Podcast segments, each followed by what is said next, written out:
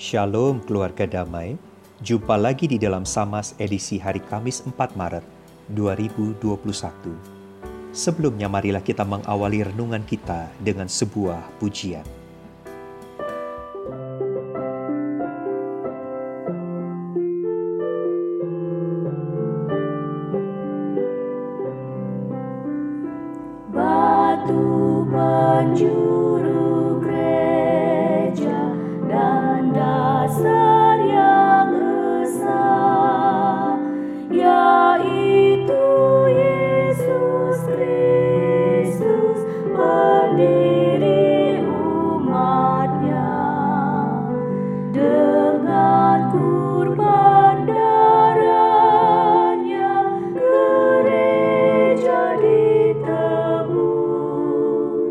Baptisan dan firman-Nya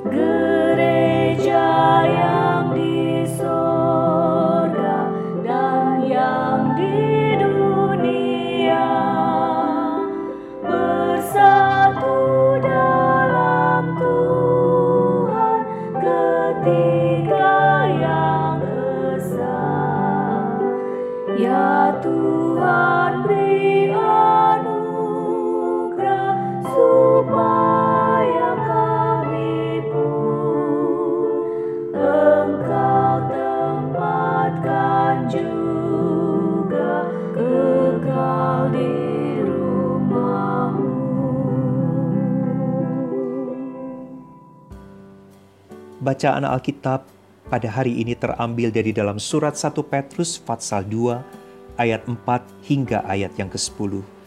Tetapi saat ini saya akan membacakan tiga ayat saja, ayat 4 dan ayat 5 serta ayat yang ke-9.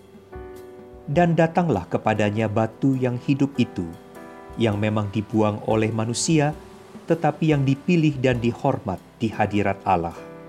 Dan biarlah kamu juga dipergunakan sebagai batu hidup untuk pembangunan suatu rumah rohani bagi suatu imamat kudus untuk mempersembahkan persembahan rohani yang karena Yesus Kristus berkenan kepada Allah. Ayat ke-9 Tetapi kamulah bangsa yang terpilih, imamat yang rajani, bangsa yang kudus, umat kepunyaan Allah sendiri, supaya kamu memberitakan perbuatan-perbuatan yang besar dari Dia yang telah memanggil kamu keluar dari kegelapan kepada terangnya yang ajaib. Keluarga damai yang kekasih, tema renungan kita pada hari ini adalah batu hidup untuk rumah rohani. Bagian Alkitab yang kita baca pada hari ini ditulis oleh Petrus. Surat ini ditujukan kepada orang-orang Kristen yang tersebar di wilayah Asia Kecil. Pada waktu itu orang-orang Kristen sedang mengalami pergumulan yang sangat besar. Penderitaan, tekanan, penganiayaan mereka harus tanggung karena keputusan iman mereka sebagai orang Kristen. Keputusan untuk percaya dan mengikut Yesus rupa-rupanya membawa sebuah konsekuensi tersendiri bagi mereka. Bagi orang-orang Kristen, iman kepada Kristus adalah sesuatu yang harus tetap diambil sekalipun mereka harus membayar harganya. Tetapi bagi orang yang tidak percaya kepada Yesus, maka keputusan seperti itu dianggap sebagai sebuah kebodohan. Yesus dianggap tidak lebih dari sebuah batu kecil yang tidak berarti. Setidaknya Petrus mengatakan demikian. Petrus menggambarkan bahwa bagi orang-orang yang tidak percaya, Yesus ibarat sebagai sebuah batu yang dibuang oleh tukang-tukang bangunan dan mengikut serta percaya kepada Yesus semacam ini adalah sebuah kebodohan.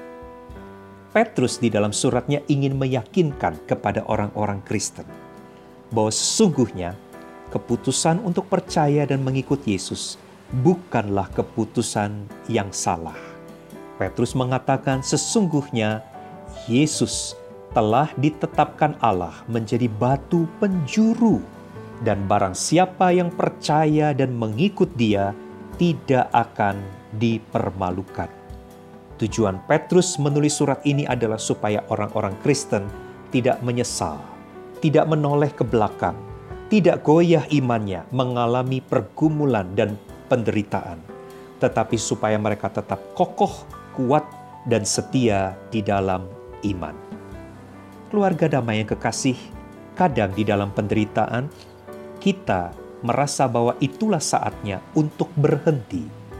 Berhenti dari melakukan segala sesuatu, termasuk di dalamnya berhenti untuk melayani, berhenti untuk bersaksi. Tetapi melalui bagian Alkitab yang ditulis oleh Petrus ini, ada dua nasihat penting yang diberikan Petrus kepada orang-orang Kristen.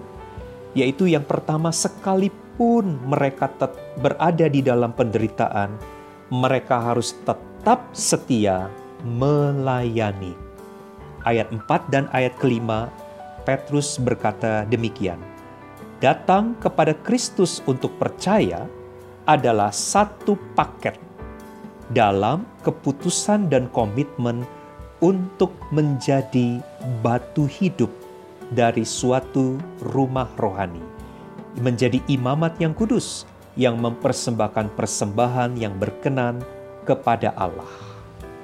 Keluarga damai yang kekasih, kadang kita berpikir pada waktu kita percaya, tujuan akhirnya adalah supaya kita mengalami dan mendapatkan keselamatan. Dan banyak orang Kristen berpikir cukup hanya untuk percaya dan diselamatkan. Tetapi Petrus berkata tidak. Datang kepada Kristus untuk percaya sesungguhnya itu berada dalam satu paket, yaitu pada waktu kita percaya kepada Kristus, kita juga punya satu paket, yaitu keputusan dan komitmen kita untuk bersedia menjadi batu hidup yang dipakai oleh Allah menjadi satu rumah rohani, yaitu menjadi imamat kudus yang mempersembahkan persembahan yang berkenan kepada Allah. Mengapa harus tetap melayani? Keluarga damai yang kekasih, sekali lagi, ketika saudara dan saya diselamatkan, ada tujuan-tujuan Allah di dalam diri dan di dalam hidup orang-orang yang sudah diselamatkannya.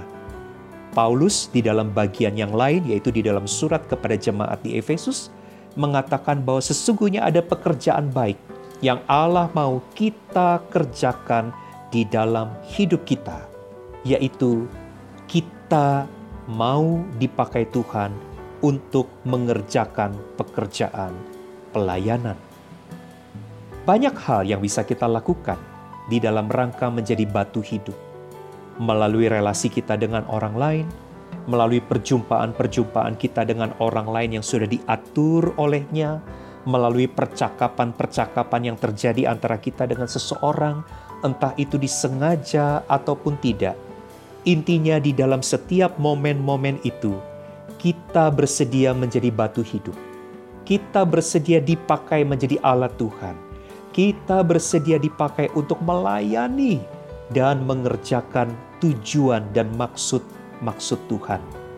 Intinya, hidup kita menjadi tindakan seorang imam yang selalu membawa dan mempersembahkan persembahan yang berkenan atau yang menyenangkan hati Allah. Keluarga damai yang kekasih, tidak peduli orang mencemooh kita, tidak peduli orang mengatakan bahwa iman kita kepada Kristus adalah sebuah kebodohan, bahkan mungkin kita mengalami tekanan ketika kita menjadi orang Kristen. Satu hal yang Petrus ingin ingatkan kepada kita adalah kita harus tetap ingat bahwa ada tujuan Tuhan ada maksud Tuhan yang Tuhan mau supaya kita tetap kerjakan dan tujuan itu harus terlaksana di dalam hidup kita. Kalau kita berhenti melayani karena seseorang, it hal itu hanya akan membuat kita menuruti agendanya dan kita gagal menuruti kehendak Allah bagi hidup kita. Tetapi kendati apa pun yang kita sedang alami, Petrus mengingatkan, tetaplah setia menjadi batu hidup untuk maksud-maksud dan tujuan-tujuan yang Tuhan mau lakukan lewat hidup kita. Melayani sesuai dengan kehendaknya. Bagian yang kedua, nasihat Petrus berkata demikian, bahwa orang-orang Kristen yang sedang menderita dipanggil untuk tetap setia memberitakan perbuatan-perbuatannya yang ajaib yang telah memanggil mereka keluar dari kegelapan kepada terangnya yang ajaib. Dengan kata lain, sekalipun mereka berada di dalam penderitaan, mereka harus terus dan tetap bersaksi. Mengapa harus bersaksi? Bukankah bersaksi membuat resiko penderitaan akan semakin besar? Lagi pula, kita sering merasa kita punya kesusahan dan pergumulan sendiri yang membuat kita enggan rasanya untuk bersaksi. Bersaksi, saudara-saudara, mau mengatakan kepada dunia bahwa sesungguhnya pilihan kita tidak salah bahwa keputusan kita tidak keliru. Bersaksi justru hendak mengatakan kepada para pendakwa kita bahwa Yesus yang kepadanya kita percaya adalah Dia yang telah membawa kita keluar dari kegelapan kepada terang. Bahwa Yesus yang kita percaya adalah Dia yang sudah membuat kita keluar dari kebutaan kepada melihat. Bahwa Yesus yang kepadanya kita percaya adalah Dia yang telah membawa kita keluar dari kematian dan masuk kepada kehidupan. Bersaksi di tengah-tengah penderitaan membuat orang melihat bahwa keputusan iman kita di dalam dan kepada Yesus Kristus bukanlah keputusan yang salah, dan hal itu sesungguhnya akan membuat orang menjadi tertarik dan mulai berpikir untuk juga datang kepada Kristus. Semakin gigih seseorang bertahan dalam iman dan teguh di dalam kesaksiannya, semakin membuktikan bahwa Tuhan yang kepadanya orang ini percaya bukanlah Tuhan yang salah, dan membuktikan bahwa iman orang ini adalah iman yang bersungguh-sungguh. Keluarga damai yang kekasih, apa pun dan bagaimanapun keadaan kita pada saat ini entahkah pergumulan yang berat, entahkah penderitaan, entahkah kesusahan. Satu hal yang firman Tuhan mau ingatkan kepada kita, bahwa keputusan iman kita untuk mengikut dan percaya Kristus tidak salah, tidak sia-sia.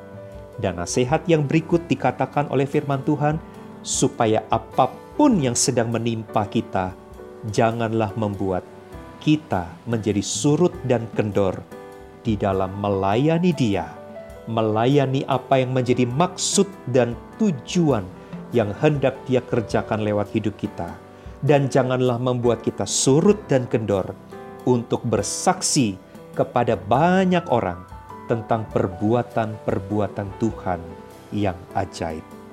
Kiranya firman Tuhan ini boleh menjadi berkat bagi kita sekalian. Amin. Marilah kita berdoa. Bapa Surgawi kami bersyukur karena hari ini kami mendapat kesempatan untuk merenungkan firman-Mu. Terima kasih firman Tuhan menguatkan kami, meneguhkan kami, bahwa sesungguhnya iman kami kepada Yesus Kristus bukanlah iman yang keliru.